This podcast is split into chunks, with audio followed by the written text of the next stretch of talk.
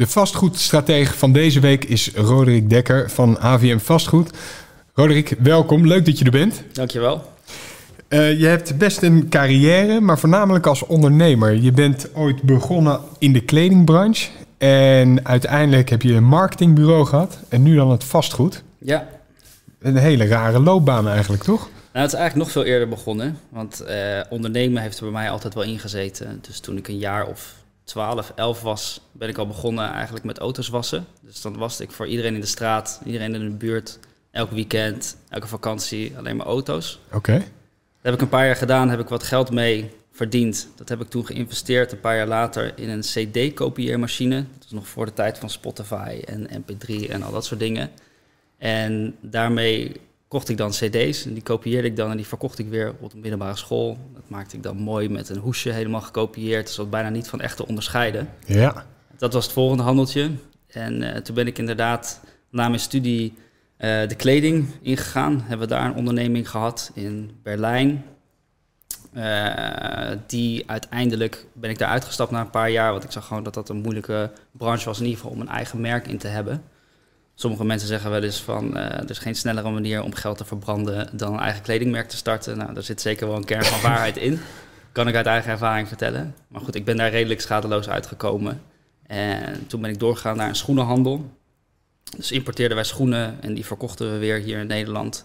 Maar dat was voor mij te weinig uitdaging. En ik had altijd wel een passie voor gewoon mooie dingen maken, mooie dingen creëren en voor um, concepten uitwerken. Dus toen ben ik inderdaad een marketingbureau begonnen. En via die weg uh, ben ik eigenlijk vastgoed ingerold. Want toen uh, dat is... klanten die vastgoed deden. En uh, ik heb wel een aantal vrienden van mij, die zaten eigenlijk al een hele leven in het vastgoed, ook via hun familie. Ja. En op die manier ben ik er eigenlijk langzaam ingerold. Door te spreken met die vrienden of hun, hun familie, Raakte je geïnteresseerd in het vastgoed? Ja, zeker. Kijk, vastgoed is natuurlijk altijd wel iets wat mij geïnteresseerd heeft. Ik denk dat heel veel uh, mannen sowieso, maar heel veel mensen dat hebben, dat vastgoed toch iets magisch uh, heeft. Wat is dat uh, magische dan? Ja, het is, iets, het is iets tastbaars, het is iets groots. Het is iets van, toch ook van, van de grote jongens als je met vastgoed mee kan doen. Je hebt er wel serieuze bedragen altijd voor nodig om daarin actief te kunnen zijn. Dus dat is altijd wel iets wat, wat aantrekt en wat denk ik ook voor veel ja, kleine ondernemers een, een, een, misschien een doel is om er ooit eens in actief te zijn. Dat zien natuurlijk ook veel, veel mensen die in andere branches actief zijn. Die willen ook wat vastgoed gaan doen. Ja, er is gewoon iets magisch met dat vastgoed, uh, wat mij ook heel erg aantrok. Exact. Je bent uh, een bedrijf gestart, HVM Vastgoed. En dat ja. heb je met uh, twee compagnons. Klopt. Um, hoe is dat, wat doen jullie precies met HVM Vastgoed?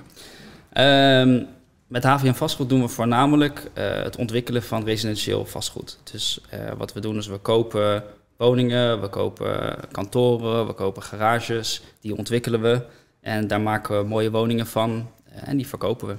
Oké. Okay. Dat is eigenlijk in een notendop wat wij doen.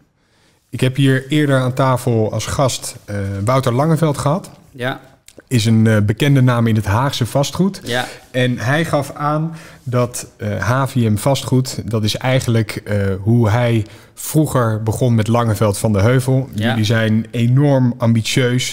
jullie zijn overal te zien, Ja. vooral in Den Haag. ook in een uitstand naar Rotterdam gemaakt. Uh, ambitieus. Uh, jullie gaan ervoor. Jullie gaan er volle vaart voor. Mooi compliment, denk ik. Zeker, zeker. Zeker. Het is leuk om van Wouter uh, dat te horen. Wouter kennen we goed. Pascal ook zijn compagnon. dat is een partij met wie we veel zaken hebben gedaan, ook in het verleden. En die natuurlijk wat ouder zijn, wat eerder zijn ingestapt dan wij in deze markt. Ik ben nu zelf ongeveer vijf jaar actief. Ik denk dat zij ongeveer 15 jaar actief zijn. Ehm, dus die hebben natuurlijk al het spelletje misschien wat meer uitgespeeld dan dat wij het hebben. Uh, maar het is heel leuk om met hem samen te werken en om dit van hem ook te horen natuurlijk. Ja, ja jullie zitten er vol in. Um, je vertelt renoveren, ontwikkelen. Ja. Er zijn een hoop partijen die dat uh, de afgelopen jaren zijn gaan doen. Ja. Waar onderscheiden jullie je nou in? Nou, kijk, wat wij vooral doen is wij uh, denken echt alles uit tot op detail. En wij zorgen gewoon voor een hele hoge kwaliteit. En wij zijn daarin ook wel een beetje door schade en schande wijs geworden. In het begin hebben we gezegd van oké, okay, we gaan alleen maar met Nederlandse aannemers werken. Want we willen niet met, met Polen of Slowaken of zo willen we gaan werken. Waarom niet? Waarom niet? Nou, omdat je denkt van Nederlanders leveren betere kwaliteit. En dan is er toch een soort stigma van ja, oké, okay, dat is door Polen verbouwd of dat is door Slowaken verbouwd, dus de kwaliteit is een stuk minder. Maar waar wij achter kwamen is dat de werkethiek van Nederlandse bouwvakkers gewoon niet zo goed is. Als je dan binnenkomt, dan is het, oh, even een momentje om een koffietje te drinken of een peukje te roken. En dus het eerste project hebben we wel met Nederlandse bouwvakkers en, en aannemers gedaan. Maar er zaten ook projecten tussen die gewoon valikant fout zijn gegaan. In de zin dat ze veel te veel geld hebben gekost, dat ze veel te ver over budget zijn gegaan. Aannemers die hun beloftes niet nakomen, aannemers die failliet gaan. En toen zijn we eigenlijk op spoor gekomen van twee andere hele goede aannemers die Pols zijn. En die hebben ploegen staan. En die jongens die komen hier en die komen daadwerkelijk om te werken. Dus die zijn er om zes uur of die zijn er om acht uur ochtends. Die gaan dan tot zes uur door. Die nemen af en toe even een pauze om wat te drinken, wat te eten. Maar die zijn hier om te werken en om geld te verdienen. En ja. En dat doet niet af aan de kwaliteit? Zeker niet, zeker niet. Integendeel. Uh, tuurlijk is het zo dat je ongetwijfeld ook binnen Nederlanders en ook binnen Polen heb je gewoon goede kwaliteit en je hebt slechte kwaliteit. En als je kijkt naar de prijzen die wij betalen nu aan onze aannemers, dan zijn dat ook aannemers die ook, of prijzen die je ook aan Nederlandse aannemers zou betalen. Dus we besparen zeker niet op de prijs. Maar de werkethiek is gewoon een stuk beter. Het kwaliteitsniveau is heel erg goed. En je kan gewoon heel goed met de jongens werken. En waar, hoe waarborg je de kwaliteit? Nou, kijk, dat is mijn compagnon Misha voornamelijk. Uh, hij is heel goed bouwkundig onderlegd. Dus hij weet eigenlijk alles van verbouwingen. En hij kan zich niks laten wijsmaken door een aannemer uh, die van alles zegt. En helaas is het natuurlijk wel zo dat binnen de beroepsgroep aannemers toch gewoon een heleboel beunhazen rondlopen. Uh, je hebt ook verder geen diploma of, of, certificaat nodig om je aannemer te noemen. Dus iedereen kan zich een aannemer noemen. Ja. En ja, wat je ziet is dat aannemers soms, ik vergelijk ze wel eens met, met garagehouders of automonteurs. Als jij niet weet zelf waarover je het hebt, kan een aannemer tegen je zeggen van ja, oh, dit moet gedaan worden, dat moet gedaan worden, dat is niet goed. Net zoals dat een automonteur tegen je kan zeggen, oh, als je er geen verstand van hebt, oh, je veesnaar moet vervangen worden en dit moet vervangen worden en dat moet vervangen worden. En als je de kennis niet hebt, dan kan je er niet tegen ingaan. En dan kan je niet zeggen van nee, dat is niet zo. laat je makkelijk overtuigen. Precies. En zo werken natuurlijk in heel veel aannemers ander bekend trucje van aannemers is natuurlijk eerst een offerte uitbrengen die best wel scherp is. En zodra er zeg maar uh, één spijker in de muur zit, zeggen van oh, dit is meer werk, dit had ik niet gezien, dit komt erbij. Dat is meer werk, dat is meer werk. En dan kom je uiteindelijk onder de streep veel duurder uit dan dat je eigenlijk zou, eh, zou verwachten. Heb je rare dingen meegemaakt met aannemers? Ik heb wel hele rare dingen meegemaakt met aannemers, ja. Kan je daar een voorbeeld van geven? Ja. Um, nou ja, goed. Uh, ik heb ook meegemaakt dat aannemers gewoon uh, bijvoorbeeld illegale hebben aangesteld in mijn uh, projecten. Terwijl dat gewoon absolute afspraak was dat dat niet zou gebeuren. dat was dan toevallig wel weer een Poolse aannemer, maar een slechte Poolse aannemer. En ehm, ja, daar hebben we toen een boete voor gehad. Omdat toen bleek dat er gewoon illegaal op de bouw aanwezig waren. Ah, en daar kreeg je een controle over. Ja, ja, ja, ja. dus dat is, uh, die hebben er gelijk uitgezet. Daar willen we ook absoluut niks meer mee te maken hebben. Ja. Maar ja, dat zijn dingen waarin je toch uitgaat van vertrouwen van mensen. Van oké, je maakt afspraken. We willen gewoon alleen maar jongens hebben die uit de EU komen. En er bleken toch jongens te staan die uit de Oekraïne komen. Nou, die kunnen prima werken. Maar als ze niet de goede papieren hebben, dan mag dat gewoon niet. Ja. ja en dan doe je dat niet. Dus zo is het helaas zo dat uh, ook binnen aannemers sommige dingen die er worden afgesproken, die er worden gezegd, dat die gewoon niet worden nagekomen. Maar nogmaals, ik ben heel blij met het team wat we nu hebben staan. Want die jongens die hebben ook heel veel verschillende projecten voor ons gedaan. Dus die weten precies wat wij willen. Die weten precies het afwerkniveau waar wij naar streven. Welke stijl jullie, uh, jullie nastreven. Ja, jullie zijn met z'n drieën. Misha die houdt zich dan voornamelijk bezig met de verbouwingen. Hoe, is, de, hoe is de rest van de rolverdeling? Nou, Misha doet inderdaad dus verbouwing en een stukje acquisitie. Leonard die doet ook uh, voor een groot deel acquisitie. Dat is mijn andere compagnon. En uh, die is ook bezig met bijvoorbeeld aftersales uh, erg veel. Um, ik hou me bezig met uh, zeg een beetje het creatieve gedeelte van de verbouwingen, de verkoop en het organisatorische deel van het bedrijf. Ja. En zo hebben we eigenlijk die rolverdeling gedaan. En ik ben er heel blij mee in welke situatie wij nu zitten met compagnons waarmee je samenwerkt. Want ik heb natuurlijk een aantal andere bedrijven gehad, daar ook compagnons in gehad. En het grote voordeel hier is, is dat wij echt heel complementair zijn aan elkaar. Dus wat ik niet goed kan, kunnen zij goed. En wat zij niet goed kunnen, kan ik dan weer goed. En dat is eigenlijk perfect wat je nodig hebt in een uh, samenwerkingsverband. Duidelijke taakverdeling en complementair aan elkaar. Precies, want ik heb in de eerdere bedrijven heb ik wel eens gehad dat je alle drie kan je hartstikke slim zijn, maar als je alle drie precies dezelfde vaardigheden hebt, dan mis je toch andere bepaalde dingen die ook heel belangrijk zijn voor de business. Ja. En uh, dat is dan een reden waarom dingen niet van de grond komen.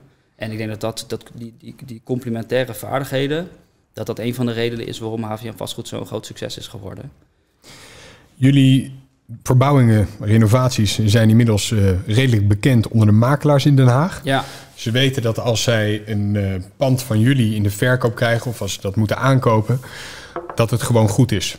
Ja, nou dat is natuurlijk ook een beetje waar wij naar streefden. Dat HVM vastgoed echt gewoon een kwaliteitslabel moet zijn. Dat als ze weten, er zijn natuurlijk best wel veel partijen in de markt die dit doen. Met heel uiteenlopende kwaliteitsniveaus. Waar wij eigenlijk naar streven is dat als ze weten van oké, het pand is, is verbouwd door HVM vastgoed. Dat ze gelijk weten van oké, het is goed. Uh, dat kan je gerust kopen met een gerust hart. Want het is gewoon zowel visueel klopt het, ziet er gewoon gelikt en mooi en klasse uit. Maar ook onderhuids, wat je niet kan zien, constructief, qua leidingwerk, elektra, et cetera, is ook gewoon allemaal helemaal volgens de standaard en volgens de norm hoe het moet. Doen jullie iets aan duurzaamheid? Is dat voor jullie een hot item? Zeker, zeker. Kijk, ik denk sowieso dat als je binnen, de vastgoed actief, binnen het vastgoed actief bent, ehm, dan heb je natuurlijk een plicht, zeker als je aan het ontwikkelen bent, om ook je steentje bij te dragen aan het duurzamer maken van de woningvoorraad. Volgens mij is het zo dat vastgoed en gebouwen ongeveer 35% uitstoten van de totale CO2. Als wij renovaties doen, zorgen we eigenlijk altijd dat die woningen een groen energielabel en eigenlijk bijna altijd een A-energielabel hebben. Dus we isoleren de gevels, we isoleren de daken, we zorgen dat er een goede zuinige ketel in zit. Uh, en daardoor komen we eigenlijk altijd op een groen label uit. Merk je dat, dat banken dat dan ook makkelijker financieren? Of dat er wat meer wordt betaald door uh, potentiële kopers? Zeker, zeker. Dus dat, dat speelt ook mee. Um, dat is natuurlijk een fijne bijkomstigheid. Het wordt, het wordt eigenlijk verwacht nu dat als je gewoon renoveert, dat je echt op een groen label uitkomt. Je moet het ook meepakken, want de manier hoe wij renoveren. Kijk, het is niet zo dat wij een woning kopen en dan even met de schilder er doorheen gaan en dan hop, klaar weer de markt op. Wij kopen eigenlijk woningen die vervallen zijn, die echt in hele slechte staat zijn. En die pakken we dan helemaal op. Dus helemaal dus van, van alles, wordt er, alles wordt eruit gehaald en alles, alles gaat gehaald. Alles gaat opnieuw in. Dat is ook de enige reden hoe wij onze kwaliteit kunnen waarborgen. Want als ik bijvoorbeeld een woning verkoop waarin ik zelf niet de elektra heb vervangen, dan weet ik ook niet of de kwaliteit van de elektra wel goed is. En kan ik daar ook niet zeg maar, mijn keurmerk als HVM vastgoed opzetten. Dus uh, dat is heel belangrijk. En ja, als je dan toch alles aanpakt, dan is het niet zo'n grote moeite om ook die isolatiemaatregelen te treffen. Exact. Waar loop je tegenaan binnen het uh, vastgoed, binnen jouw werkveld momenteel? Nou ja, het is natuurlijk niet makkelijker geworden in de afgelopen jaren. Uh, je had het net even over, over Wouter Langerveld. Maar als je bijvoorbeeld spreekt met andere mensen die gewoon al wat langer actief zijn in deze markt, dan is het zo dat je gewoon hoort dat het vroeger veel makkelijker was. Dat er minder regelgeving was, dat er meer aanbod was uh, en dat je minder werd, uh, ja, dat je werk minder werd bemoeilijkt, zoals het nu wel zo is. En je ziet natuurlijk dat er zowel op overheidsniveau, landelijk als op gemeentelijk niveau heel veel nieuwe regels telkens komen. Over wat, van regels, over wat voor regels heb je het dan? Nou, het is begonnen een paar jaar geleden met een splitsingsverbod in Den Haag. Tot die tijd deden we eigenlijk heel veel woningen kopen, opsplitsen in appartementen en die dan verkopen of verhuren. Dat mocht op een gegeven moment niet meer. Uh, toen hebben ze gezegd van oké, als je woningen... Terwijl er wel meer woningen bij moeten komen? Nou, dat is natuurlijk heel tegenstrijdig eigenlijk. Uh, dat ze aan de ene kant zeggen van joh, het woningtekort moet opgelost worden. En je hebt een hele grote voorraad aan woningen die eigenlijk heel groot zijn. Uh, je hebt bijvoorbeeld ook heel veel oudere mensen die wonen in een veel te grote woning waar heel veel vierkante meters leeg staan. dus dan zou je zeggen van ja, oplossing daarvoor is knip die woningen in meerdere kleine woningen op. Sommige ja. gemeenten die juichen dat ook toe. Maar de gemeente Den Haag niet. Dus die hebben gezegd van wij willen dat niet. En voornamelijk willen ze dat niet omdat ze vinden dat de leefbaarheid in die wijken dan achteruit gaat. Bloemendaal en Zandvoort, die uh, juichen dat volgens mij toe, toch? Ja, bijvoorbeeld ja. inderdaad. En kijk, als je een probleem wil oplossen, dan kan dat niet zonder ergens een keertje pijn te nemen. Dus als je inderdaad een woningprobleem van een woningtekort wil oplossen, dat kan niet alleen maar opgelost worden door splitsen toe te staan. Dat is een heel klein beetje, wat dat, maar dat kan wel helpen. Daardoor voeg je wel meer woningen toe. En ik begrijp ook wel dat je niet in bepaalde overbevolkte wijken uh, halve etages kan gaan splitsen en zo. Maar als je daar bepaalde gewoon goede regels voor instelt, dat bijvoorbeeld een woning één woonlaag moet bestaan, uh, dat je het in wijken woning doet. van 150 vierkante meter, dat je, een, een, een, dat je woningen splitst die minimaal 150 vierkante meter zijn. Dat vind ik 150 vierkante meter nog groot. Voor mij mag het ook 70 vierkante meter uh, mag het zijn, want je hebt demografisch gezien nu gewoon te maken met heel erg veel kleinere gezinnen, kleinere huishoudens van 1 tot 2 personen, die hebben geen 150 vierkante meter nodig. Ja. Dus daar moet je gewoon de, kijk, eigenlijk is het zo dat dus de meeste steden zijn gebouwd, laten we zeggen, in de afgelopen 100 jaar met een demografie die anders was dan dat je nu is. Toen waren gezinnen groter, dus zouden huizen ook groter zijn. Toen was er zeg maar minder woningnood, in ieder geval in de meeste tijd daarvan. En nu is het zo dat gezinnen zijn steeds kleiner, maar die huizen zijn nog steeds hetzelfde als toen ze 100 jaar geleden gebouwd waren. Dus daar zou je toch, weet je, dat is niet goed op elkaar afgestemd. Dat zou je dan toch moeten aanpassen om op elkaar af te stemmen. En als een gemeente dan zegt van ja, je mag niet meer splitsen, nergens meer. Ja, weet je, dan ga je niet daar je steentje in bijdragen om het woningtekort op te lossen. Exact. Als we kijken naar de inkoop, want jullie moeten woningen inkopen, vaak Mhm. wat eh, oudere woningen die vervallen zijn. Eh, wordt het voor jullie ook lastiger om in te, kopen, eh, in te kopen? We zien dat de prijzen enorm aan het stijgen zijn. Eh, je hebt Ja. te maken met eh, ook weer een nieuwe regel van afgelopen jaar, overdrachtsbelasting van 8%. Dat ook, ja. Dat, dat, dat, neemt, dat doet de prijzen wel stijgen. Ja, en je ziet ook, aan de ene kant stijgen de prijzen en moet je dan soms als je wat wil kopen gaan speculeren op verdere prijsstijgingen. Daar ben ik zelf niet zo heel erg groot voorstander van, omdat ik dat gewoon te veel risico vind. Ehm, maar daarnaast, eh, wat belangrijk is, het aanbod is eigenlijk aan het droogkoken. Dus je hebt gewoon veel minder aanbod. Als je kijkt naar nu en een jaar geleden, nu is ongeveer de helft van het aantal woningen wat een jaar geleden op Funda stond, staat nu op, staat nu op Funda. Ja. Dus de vijver waaruit je moet vissen wordt steeds kleiner.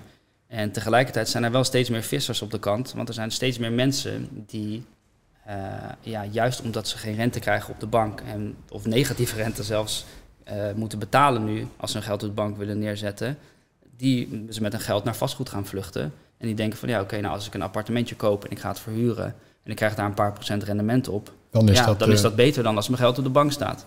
Met alle risico's van dien. Want we zijn nu in een enorme eh, markt die aan het stijgen is. Ja, Maar als de markt iets dipt en eh, tegenwoordig kan je tot eh 85% ehm, geld lenen bij de bank. Ja. Dus je hoeft nog Ja. maar een klein gedeelte zelf mee te brengen. ja. Eh, dat, kan wel, dat is wel redelijk risicovol. Zeker, en het is misschien wel leuk om even te vertellen, want kijk, je, we hebben het natuurlijk net over HVM Vastgoed gehad. HVM Vastgoed is, is één van onze bedrijven, maar we doen eigenlijk nog veel meer. Dus naast het echt het ontwikkelen en dan verkopen, eh, hebben we ook heel veel woningen die we gewoon hebben als privé, als beleggingen. Ja. Dus daar zijn we ook heel erg in actief. En zijn we nog actief in een aantal andere eh, segmenten, een aantal andere branches waar we bedrijven hebben en investeringen in doen. Daar wil ik zo wel eventjes op doorgaan. Ja. Ik ben wel benieuwd naar hoe jullie dat dan hebben gefinancierd. Eh, tot welke hoogte financieren Ja. jullie, eh, Ja, financieren ja, jullie want dat? wat je net zei inderdaad, dat, dat je tot 85% kan financieren. Ja, ik vind dat echt eh, eh, heel erg risicovol als je dat doet. Zeker inderdaad met deze stijgende markten. Ehm, want als je dan in één keer toch een correctie krijgt en de bank zegt, joh, ik wil het laten hertaxeren, moet herfinancierd worden, dat, je, dat je moet bijstorten, dat willen wij absoluut niet. Dus wij zitten daar wat defensiever in, eigenlijk met een maximale loan to value van 70%. Ja. Dus op 70% financieren we en aan 30% eigen geld gaat erin. Dan kan je een eventuele dip kan nog dat- opvangen. Ja, precies. Dat altijd als er klappen komen, dat ze die altijd kunnen opvangen. Het is ook altijd een beetje met de paplepel ingegoten door de oom en de vader van, eh, van Leonard, van een van mijn compagnons. Eh, die doen dit al heel lang. Dus die hebben ook gezien dat de markt niet alleen maar omhoog gaat, dat je ook eh, ja, andere periodes krijgt waar de prijzen dalen. En die hebben ook genoeg mensen gezien die dan met een stijgende markt helemaal ja, het mannetje waren. Maar zodra er even een correctie was, dat die gelijk eh, ja, weet je, aan het gas hingen bij de bank. Dus, Wanneer het eh, app wordt, zie je wie er naakt zwemt. ja, nee, zo eens. is het. Zo is het zeker. En eh, daarom zijn wij dan nog gewoon wat conservatiever. En ik ga niet helemaal op mijn nek in de financiering zitten. Ik wil ook gewoon rustig kunnen slapen. Want ik weet ook dat prijzen niet alleen maar omhoog gaan. En wanneer ze weer gaan dalen, dat weet ik niet. Ik heb geen glazen bol. Zoals de vooruitzichten nu zijn in de huizenmarkt aan zich is er niet veel reden om aan te nemen dat ze snel zullen dalen. Maar ik denk voornamelijk dat er als een keer macro-economisch weer iets uitbreekt, wat ook bijvoorbeeld in 2008 gebeurde, wat weinig mensen zagen aankomen. Ja, dan, dat kan een reden zijn waardoor vertrouwen in één keer wegvalt in een Ja. markt. En dat de mensen zeggen van, joh, ik geloof er niet meer in, dus ik ga niet meer kopen. En dan eh, kan het zomaar omslaan. Ja, goed om daar dan rekening mee te houden. Zeker. Eh, dus jullie beleggen naast de renovatie en de ontwikkelingsprojecten, beleggen jullie ook nog in vastgoed. Ja. Eh, deels privé, deels zakelijk. Maar je gaf aan dat jullie ook andere bedrijven hebben. Ja, Wat klopt. doen jullie zo al? Klopt. Nou, ten eerste, wat we beleggen is eigenlijk allemaal in privé. Dus we hebben geen zakelijke eh, belegging, want het is gewoon fiscaal interessanter om dat als in box 3, eh, box 3 te hebben. Ehm, nou, een- van de redenen waarom we zijn gaan kijken naar andere bedrijven ook, is omdat wij gewoon zien dat de ontwikkeling in de vastgoedmarkt en qua aanbod, uh, dat het gewoon lastiger wordt om nieuwe projecten te krijgen. Ja, als dat zich doorzet, dan, dan kunnen we dit spelletje niet eeuwig blijven spelen. Uh, dat is het droogkoken waar je het net over had. Precies. Daarnaast is het zo dat ik het gewoon heel leuk vind om met verschillende dingen bezig te zijn. Dus ik kan niet, voor mij is vastgoed ook geen eindstation. Het is meer uh, iets wat ik nu leuk vind om te doen. Maar ik hoef het niet per se de rest van mijn leven. In ieder geval, het beleggingen wil ik wel houden. Ja. Maar uh, uh, het pandjes flippen, wat wij zeg maar nu doen, hoef ik niet de rest van mijn leven te blijven doen. Um, maar dan via... is het, het is ook wel goed om een bepaalde focus te houden. Want als je te veel ballen tegelijk in de lucht wil houden, te veel bedrijven wil Ja. focussen, dan kan daar dus ook dat, een dat klopt helemaal. komen. Dus wat we hebben ge- gedaan is, we hebben gezegd van oké, operationeel gezien en qua tijd blijven we de focus echt in vastgoed houden. Maar daarnaast gaan we wel kijken naar investeringen in andere bedrijven waar andere mensen eigenlijk het operationele gedeelte voor een rekening nemen.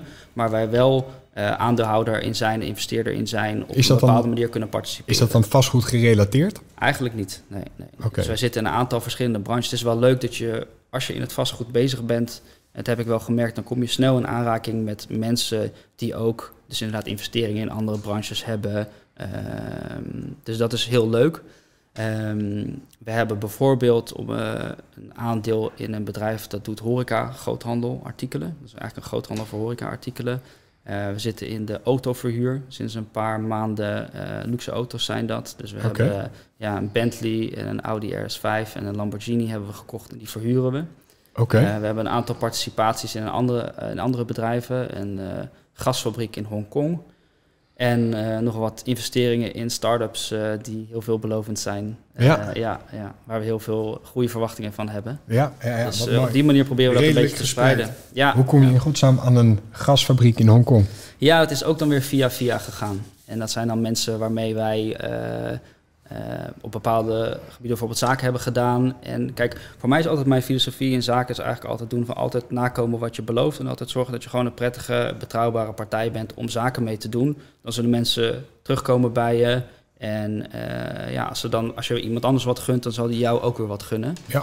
Dus op een manier hoe wij zo zaken doen, hebben wij eh, ja, de zaken met, met een bepaalde partij gedaan. Die vond dat zo prettig, dus die is toen naar ons toegekomen. Hiermee zijn we erin gedoken. En eh, zo uiteindelijk hebben we die stap ook gemaakt, ja. Dus vastgoed is niet je eindstation. Het Nee. is eh, fantastisch leuk waar je nu mee bezig bent.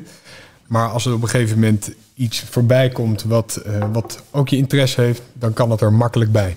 Ja, en kijk, voor mij persoonlijk, ik vind investeren gewoon heel leuk. Dus ik vind het heel leuk om gewoon van ondernemers concepten te horen. Eh, en dan te kijken of het inderdaad gaat, gaat werken. eh, daar gewoon kritisch naar te kijken. eh, en daar geld in te stoppen. En dan het hopelijk een succes zien worden. Dat lukt natuurlijk niet bij allen. Maar dat vind ik gewoon heel leuk. En de dynamiek die daarin zit, vind ik heel leuk. Ook zeg maar de afwisseling die erin zit, vind ik heel leuk. Want ik ben gewoon niet een persoon die, die hetzelfde kan doen zijn hele leven lang. Exact. Er wordt vaak door investeerders gezegd: ik kijk niet alleen maar naar eh, het idee of het product, Ja. maar kijk ook naar de mensen daarachter, de ondernemers. Is Ja. dat bij jou hetzelfde? Ja, zeker. De vent in de tent, dat is natuurlijk mega belangrijk. En eh, er zijn heel veel mensen met een goed idee geweest, maar de uitvoering van het idee is nog veel belangrijker. En kijk, heel veel mensen denken ook soms van, ja oké, ik, heb, ik heb een idee en dat ga ik dan doen en dat is het. Maar het is vaak een idee waarmee je begint en dat moet je constant blijven bijschaven, dat moet je constant blijven toetsen aan de markt, dat moet je constant weer veranderen eh, aan de nieuwe marktomstandigheden. Misschien dingen, je maakt aannames als je met een idee bezig bent en misschien blijkt dat het in de realiteit wel heel anders is. Daar moet je flexibel voor zijn. En kijk, ondernemen is toch problemen oplossen de hele dag door. Dus de persoon die daarachter zit, ja, super belangrijk. Ben je dan ook een klankbord voor diegene dat jullie kunnen brainstormen over waar hij staat? Of is het puur investeren en je houdt verder afstand? Zij Ja, ligt, regelen het. ligt een beetje aan, aan, aan de investering. Op zich ben ik er wel voorstander voor om iemand. Kijk, we investeren alleen ergens in als wij echt zo overtuigd zijn van diegene en van het idee. Dat we eigenlijk ook ehm, hun, hun eigen ding willen laten doen en daar niet te veel mee willen bemoeien. Ja. Natuurlijk wordt er wel af en toe over gepraat. Maar je gaat niet als investeerder je eigen wil daarin doordrukken. Tenzij je het echt grondig ergens mee oneens bent. Maar dat is nog niet gebeurd. Welk project ben je, het meeste trots op? Eh, dat is een goede vraag. Ik ben sowieso gewoon wel trots in het algemeen wat wij eh, bereikt hebben in de afgelopen vier, vier en half jaar dat wij bezig zijn met HVM vastgoed. Dus om daar één project uit te lichten, dan denk ik dat ik kies voor een project dat we hebben gedaan in Rotterdam. Uh, dat was aan de Hele Dijk hebben wij uh, acht appartementen, 14 garages en een kinderdagverblijf ontwikkeld. En um, dat was voornamelijk een heel erg moeilijk project, omdat dat binnen een bestaande VVE was die lastig was. Het was constructief, was het uh, best wel een uitdaging. En het was voor ons de eerste keer dat wij een project van zo'n omvang op ons namen. Dat hebben we allemaal uh, hartstikke goed afgerond. Dus daar ben ik wel trots op dat we dat zo gedaan hebben. Ja. Mooi. Ja, ik heb de foto's ooit gezien. Het zag er waanzinnig uit. Ja, nee, het waren zeg maar helemaal afgetrapte kantoorunits. En er zat een soort van kookstudio zat erin. Maar het zag er gewoon niet uit. En kijk, het leuke ook is van het hele ontwikkelen... is dat je echt een stukje waarde toevoegt aan een straatbeeld, aan een stad. En dat hebben we daar ook echt gedaan. Het was gewoon, het zag er niet uit. En nu uh, wij ermee klaar zijn, is het gewoon hartstikke mooi en strak. En dan hoor je ook van de buren en van de mensen uit de buurt dat ze hartstikke blij zijn dat het er zo uitziet. Omdat het dus straatbeeld gewoon echt heel erg verbetert. De VVE kan wellicht in het begin wat sceptisch zijn. Ja, maar nu ze het eindresultaat zien, weten ze dat het gewoon. Nou, dat is vaak zo. Mensen zijn natuurlijk bang voor verandering. Als je zegt van joh, ik ga iets anders ga ik doen. Oh, oh, oh. Nee, dan zijn ze allemaal bang dat het achteruit gaat. Maar als ze dan een resultaat ervan zien, dan is het inderdaad vaak zo dat ze denken van joh, ik ben er toch wel heel erg blij mee. Wat is, je, wat is je grootste leerschool geweest tot nu toe? Mijn grootste leerschool tot nu toe geweest. Uh, ja, kijk, voor mij is eigenlijk het, het, het, elke dag uh, het leven is sowieso één grote leerschool. Ik vind het gewoon leuk om elke dag weer wat nieuws op te doen. Ik vind het ook leuk om zelf. Ik ben iemand die zelf wel echt in materie kan duiken, uh, zelf in concepten kan duiken, zelf in, in, in, iemand anders ideeën kan duiken. Als er bijvoorbeeld weer iemand naar ons toe komt die vraagt om te investeren. Dus Um, ik heb niet één moment gehad dat ik dacht van ja, oké, dit is echt de grootste leerschool voor mij geweest. Maar bij mij is het echt een constant proces geweest van elke dag weer wat nieuws uh, oppikken. En uh, ja, zo gewoon uh, zorgen dat je het meeste kennis hebt en de beste beslissingen kan nemen. Je geeft aan dat vastgoed absoluut niet jouw eindstation hoeft te zijn. Mm -hmm. Zijn er nog dingen binnen het vastgoed waarvan je zegt, ja, dit zou ik nog echt heel graag willen bereiken of dit zou ik heel graag willen ontwikkelen? Ja, wat mij heel leuk zou zijn, lijkt, is sowieso gewoon een toren neerzetten in Den Haag. Oké. Uh, we hebben iets in bezit waar dat misschien kan binnen afzienbare tijd. Dus dat zou heel leuk zijn. Maar dat lijkt me wel heel gaaf om dat, uh, om dat neer te zetten. Dus dat is zeker wel een doel binnen, uh, binnen het vastgoed om dat te realiseren. Ja. Mooi. Ik heb um, een jongen aan, als gast aan tafel gehad, Honor Airbus. En die heeft zijn eerste geld eigenlijk met bitcoins en crypto ver, verdiend. Ja. Um, hot item momenteel. Zeker. Zit je daar zelf ook in? Ja, ja, we zitten daar zelf ook in. Kijk, voor mij sowieso is het belangrijk, denk ik, als je, als je, als je wat vermogen hebt opgebouwd, om dat te spreiden. Om gewoon uh, te zorgen dat het niet. Kijk, vastgoed is een redelijk goede investering, vind ik. Over de afgelopen. Kijk, of over de hele lange termijn gaan vastgoedprijzen eigenlijk altijd omhoog. Als je de afgelopen 25 jaar bekijkt, zijn er volgens mij maar drie jaar geweest waarin de vastgoedprijzen zijn gedaald. De overige 22 jaar zijn ze allemaal gestegen. Vastgoed is ook iets wat de overheid niet kan bijdrukken. Dus wat je nu vaak hoort is omdat er zoveel geld gecreëerd wordt, is steek je geld in dingen die de overheid niet kan bijdrukken. Ja. Vastgoed is er natuurlijk één iets van. Maar ik wil niet al mijn eieren alleen maar in het mandje vastgoed leggen. Dus we hebben uh, ook een, een stukje in crypto in verschillende dingen. Gewoon een stukje in Bitcoin hebben we gezet. We hebben een stukje, laten we dan manager door iemand anders, die, die trade daar echt mee uh, altcoins ja. uh, actief. Uh, ik heb daar zelf geen tijd voor. En dat is voor mij ook, om er echt helemaal het naadje van de kous te weten, vind ik dat je daar bijna fulltime mee bezig moet zijn. Omdat het toch wel gewoon materie is die redelijk complex is als je het echt wil begrijpen helemaal. Warren dus, Buffett, de bekende belegger, die geeft aan waarom zou je in godsnaam spreiden als je van één ding echt verstand hebt, waarom zet je dan niet daar al je geld op in? Waarom doe je dan niet al je eieren in dat mandje? Nou, kijk, dat vind ik wel interessant dat hij dat zegt. Uh, want hij heeft natuurlijk zijn geld in allemaal verschillende aandelen. Hij heeft ook niet zijn geld in één aandeel. Dus ik vind het een beetje gek eigenlijk dat hij dat zegt. Anders zou je zeggen van, hij heeft voor mij heel veel Coca-Cola. En dan zou hij zeg maar al zijn geld in Coca-Cola aandelen ja. moeten stoppen. Ja, kijk, je weet gewoon niet wat er kan gebeuren. En er zitten altijd verrassingen in petto. Niemand heeft een glazen bol. Dus als ik al mijn eieren in het vastgoedmandje zet en er gebeurt toch iets wat we nu niet kunnen voorzien. En dat keldert in één keer ongelooflijk in waarde. Dan wil ik altijd nog een soort van hedge hebben. Een soort van alternatief hebben. Wat er misschien crypto is. En wat ook een aantal andere dingen uh, zijn waar ik mijn geld in heb zitten. Die dan als het vastgoed naar beneden gaat, gaat dat misschien wel weer omhoog. Ja. ja. Um, Er wordt gesproken over huisjesmelkers. Steeds meer huisjesmelkers. Uh, ze, kunnen wel, uh, ze zijn misschien wel onderdeel of hebben een groot aandeel in de woningcrisis. Mm. Jullie knappen zo netjes op. Zorgen jullie ook goed voor je huurders? Zijn jullie huisjesmelkers? Nou, kijk, elke keer als ik die term hoor, dan vind ik dat zo vervelend dat er eigenlijk zo gegeneraliseerd gesproken wordt over iedereen die maar uh, huizen verhuurt of appartementen verhuurt, dat dat automatisch een huisjesmelker is. Ik vind dat zo verschrikkelijk denigerend dat dat zo gezegd wordt. Uh, tuurlijk zijn er heel veel partijen ook in de markt die uh, aan mensen onder erbarmelijke omstandigheden kamers of matrassen of uh, ja, gewoon hele slechte woningen verhuren. Maar er zijn ook heel erg veel mensen die verhuren gewoon hele goede, hele nette, heel mooi opgeknapte en van alle goede uh, voorzieningen voorzien woningen. Ook aan mensen. En die kan je geen huisjesmelkers noemen. Ja. Ik vind dat heel vervelend dat dat, uh, dat, dat zo benoemd wordt. Ja. Er zijn een, een hoop spelers in de markt die ja. woningen flippen. Ja. Um, jullie, jullie lopen al enige jaren mee met HVM Vastgoed. Ja. Kan je de jonge spelers die nu het vastgoed inkomen of die graag iets in het vastgoed uh, willen doen, kan je die een tip geven? Ja, uh, doe het niet. Je bent te laat. je bent ja, te laat, ja. Ja, ja. ja, dat is echt wat ik je wil meegeven. Je bent echt te laat. Uh, ligt eraan wat je ambitie is. Als je ambitie is, als je het prima vindt om gewoon één, één huisje of twee huisjes per jaar misschien maximaal te flippen, dan zou dat nog wel kunnen. En je neemt genoegen met relatief kleine winstmarges. Maar anders ben je echt te laat. Het aanbod is er gewoon niet meer. Ja. En de concurrentie is gewoon te groot. Ik denk dat wij nog net. Ik, ik heb het natuurlijk ook soms wel eens over als je dan bijvoorbeeld met Wouter Langerveld uh, spreekt of uh, met iemand anders die nog van de generatie daarvoor is, dat, dat je hoort, ja nee, uh, toen, toen en toen konden we gewoon een hele straat kopen. Dan denk ik echt van ja shit.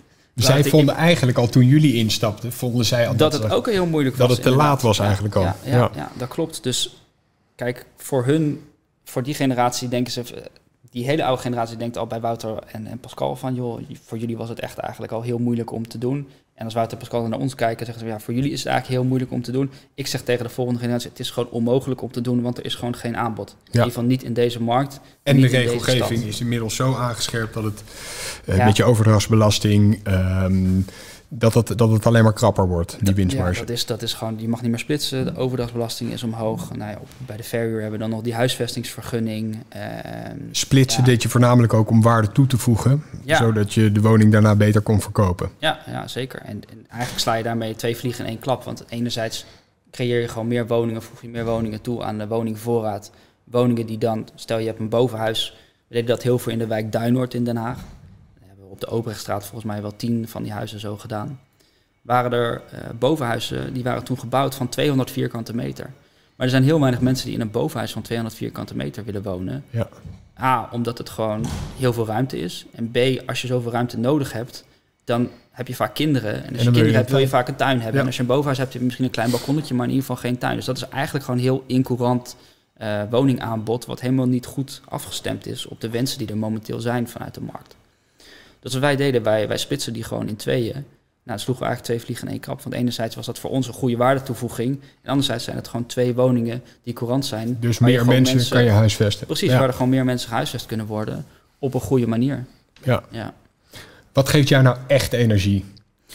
Uh, ik krijg heel veel energie gewoon van te doen wat ik leuk vind. En, en mooie deals maken. En uh, te zien dat...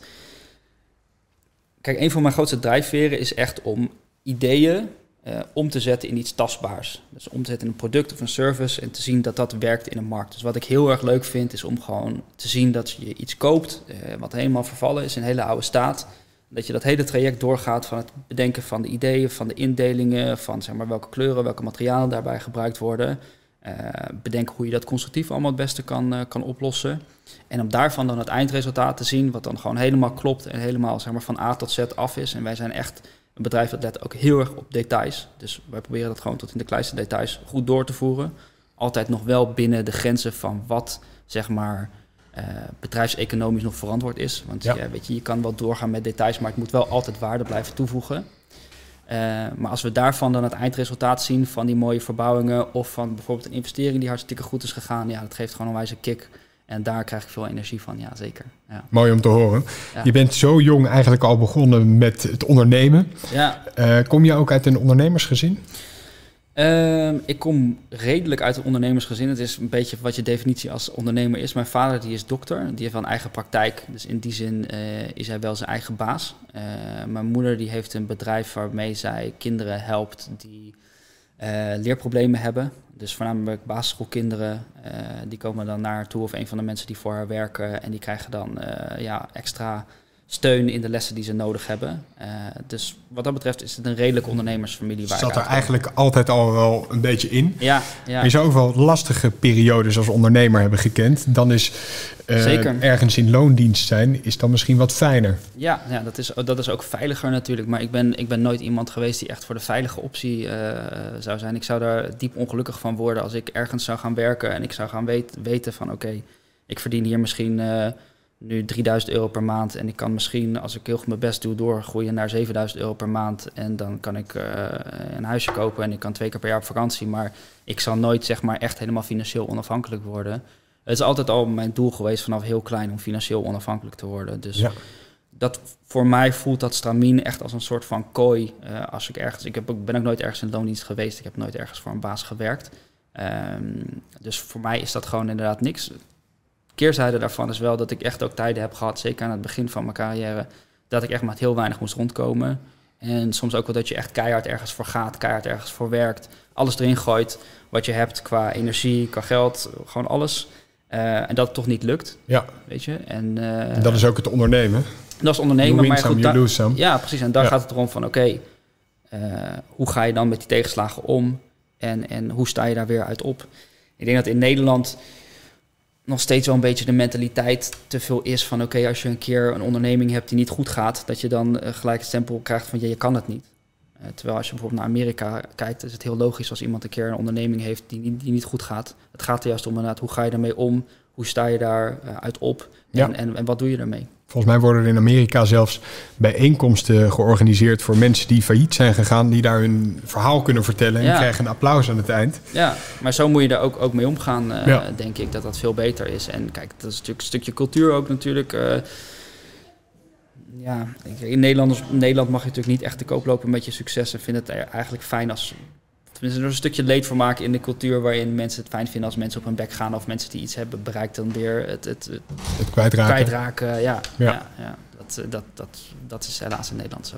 Ja, mooi om te zien die ambitie en uh, hoe jullie het doen met de HVM. Ja. Ik wens je heel veel succes. Dankjewel. Ik vond het leuk om je hier aan tafel te hebben. Ja, top. Dankjewel.